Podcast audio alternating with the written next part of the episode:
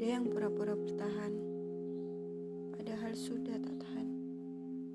Ada yang pura-pura ikhlas, padahal hujan di pipi sudah turun deras.